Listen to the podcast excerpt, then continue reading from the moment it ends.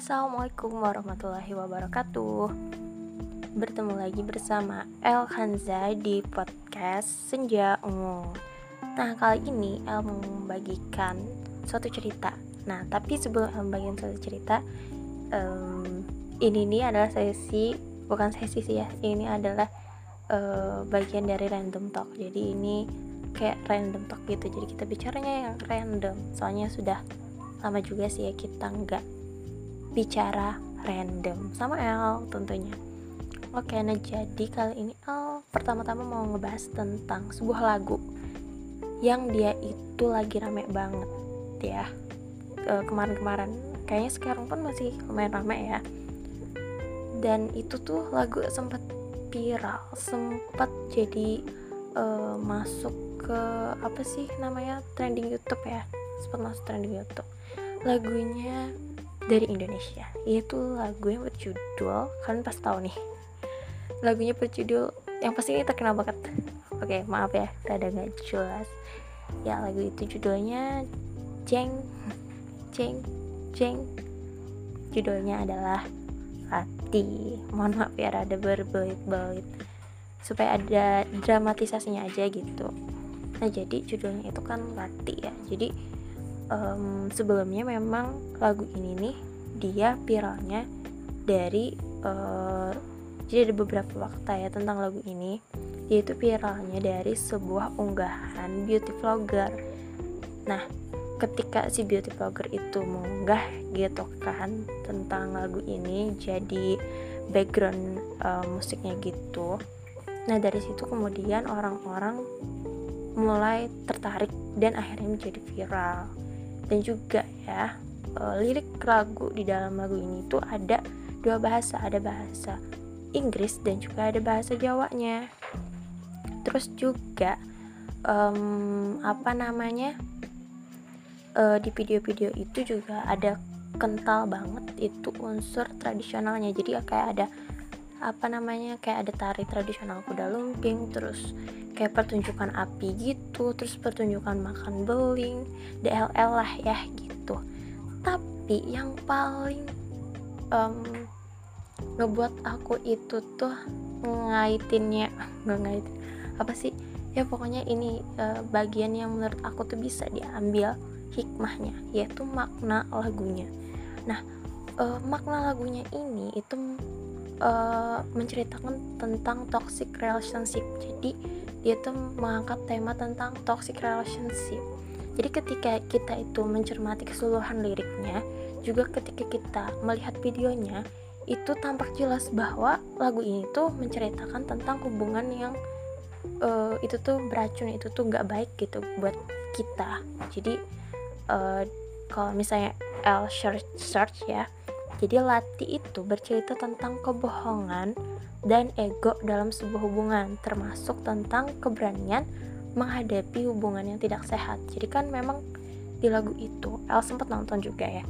Jadi kan pertama-tama tuh dia kayak bahagia gitu. Terus akhirnya si laki-laki yang modalnya itu kayak mana ya kayak kayak seolah-olah ingin berbuat jahat gitulah ke dia. Terus tiba-tiba dia kayak ada di rantai-rantai gitu sih yang cewek yang di videonya itu. Terus pada akhirnya intinya ya memang ternyata si laki-laki itu uh, berbuat gak baik lah buat si perempuan ini. Dan akhirnya di akhir video si perempuan ini ngelawan dan laki-laki itu go away. Go away di sini dalam artian entah itu pingsan ya tapi kayaknya sih pesan dari lagu itu ya uh, mohon maaf ya uh, dihabisi lah gitu. Tapi yang gak sepulgar itu ya maknanya yang mungkin ya, maknanya tadi keberanian menghadapi hubungan tidak sehat mengakhirinya mengakhiri hubungan yang tidak sehat. Nah ngomong-ngomong soal uh, pesan dari lagu tersebut itu tuh kayak mirip-mirip banget loh dengan keadaan Indonesia saat ini. Kok bisa sih El bicaranya sampai ke situ. Soalnya hmm, Elia sendiri kan ya ini kan baru-baru ini kita itu ada sebuah program baru. Apa sih program baru itu?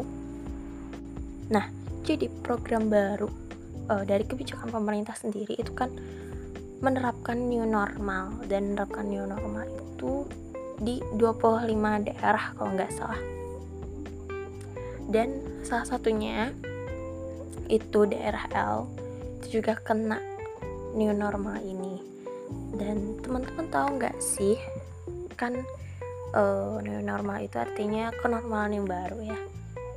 Jadi kalau kita itu telisik lebih dalam sebenarnya new normal ini itu kayak hanya sebuah janji manis. Itu kayak uh, toxic gitulah uh, bahasa yang kalau dikaitin ke lagunya itu ya kenapa jadi bisa bilang toxic?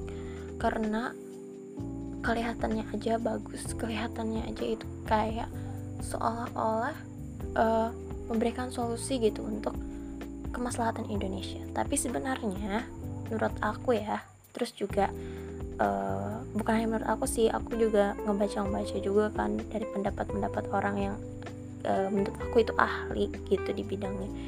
Dan beliau pun mengatakan bahwasanya kan kurva uh, terkait dengan korban COVID-19 ini atau corona ini itu bukannya sedang melandai tapi justru sedang naik-naiknya. Dan menurut beliau kebijakan ini itu ya gak seharusnya diterapkan. Seharusnya kita itu ya diam di rumah aja gak ke mana-mana. Gak ke mall gak ke apa namanya pokoknya gak keluar rumah lah gitu. Jadi sebisa mungkin gak keluar rumah tapi kan dengan new normal ini kita tetap diperbolehkan keluar rumah walaupun tadi ya menghimbaunya itu tetap dengan menggunakan protokol-protokol kesehatan. Tapi sebenarnya yang seharusnya yang lebih tepatnya itu kita harusnya diam di rumah aja. Dan memang kan untuk mengikuti jika kita gitu mengikuti tentang undang-undang yang seharusnya. Itu kan kita sebenarnya harusnya ketika terjadi wabah ini karantina dan memang e, dari pemerintahan sendiri itu harusnya memberikan kepada kita itu bahan-bahan pokok. Dan bahan pokok itu harus e, diserahkan ke setiap masyarakat di Indonesia secara gratis. Tapi kan akhirnya nggak diterapkan ya undang-undang kekarantinaan tersebut. Dan justru malah e, mengambil solusi yang e, kalau menurut aku kompromi gitu. Ya ya PSBB kita diminta untuk di rumah untuk jaga jarak tapi kemudian kita tidak diberikan uh, jaminan seperti makanan pokok terus juga uang dan lain-lain sebagainya. Jadi menurut aku ketika ada uh, kebijakan yang baru ini yaitu new normal itu kayak menurut aku kayak sebuah kebohongan dan ego guys. Kayak cerita di lagu Lati itu ya kayak kebohongan dan ego yang disediakan oleh pemerintah seolah-olah itu kayak solusi. Tapi sebenarnya justru itu justru yang membuat kurvanya itu semakin naik. Jadi seharusnya ya di lockdown harusnya kalau menurut para ahli itu lockdown disuruh di rumah aja dulu masyarakatnya bukan malah ya itu jalan tengah ya jalan tengah gitu.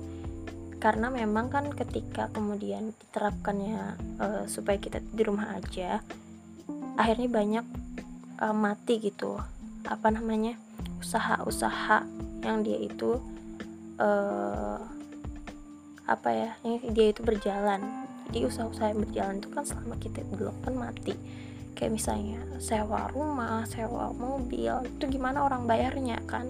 Kan di rumah aja. Nah akhirnya karena banyak terdampak dari sisi para pengusaha kan uh, dan memang negara kita itu mengambil suatu uh, paham kapitalisme yang dia itu hanya mementingkan uang dan menomorsatukan para pengusaha. Akhirnya ya karena pengusahanya banyak rugi gitu kan ketika diterapkannya lockdown uh, mohon maaf ketika diterapkannya PSBB ini ya akhirnya diberikan kelonggaran-kelonggaran dan salah satunya adalah dengan bahasa yang manis yang terbaru ini itu new normal jadi kalian jangan sampai terbuai oleh racun ya toksiknya uh, racun berbaut madunya kebijakan-kebijakan dari pemerintah. Jadi kita harus terus mengawal, harus terus kita analisis, jangan langsung telan bulat gitu. oke deh itu aja yang mau aku sampaikan. Dan kita termasuk ya kayak di pesan di lagu latih ini bahwa kita tuh harus berani menghadapi hubungan yang tidak sehat. Jadi harus kita putuskan pokoknya. Putuskan apa nih? Putuskan paham yang sedang melanda negeri ini. Dan dijadikan sebuah dasar yaitu apa? Kapitalisme karena puncuk dari semua ini adalah kapitalisme tadi yang mana menuhankan uang yang mana e, pemerintah itu lebih cenderung mengutamakan kesejahteraan rakyat tanda kutip. Di sini adalah pengusaha. Kita lihat juga kan gitu ketika seharusnya kita disuruh diam di rumah aja. Eh tapi TKA masuk.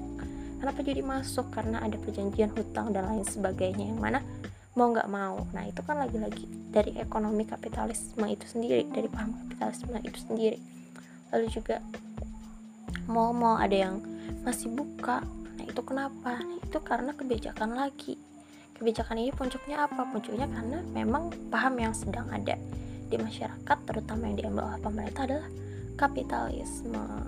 Dan juga ya uh, apa namanya? Karena sistem pemerintahan kita demokrasi um, ketika kemudian si para calon-calon wakil rakyat itu ketika ingin kemudian ikut pemilu dia minta bantuan oleh para pengusaha-pengusaha dana-dananya itu loh guys. Kan harus apa namanya promosikan diri ya. Maksudnya tuh kayak gimana ya ngejelasannya kayak misalnya mengadakan poster-poster. Kan biasanya pas pemilu itu ada poster-poster gitu kan ya. Terus juga uh, apa namanya ya pokoknya kayak mempromosikan dirinya gitu lah dan mempromosikan diri itu kan gak murah ya. Terus juga bagi-bagi kerudung kan ada juga. Terus yang nggak boleh itu bagi-bagi apa serangan pajar ya ya Allah. Gitu ya.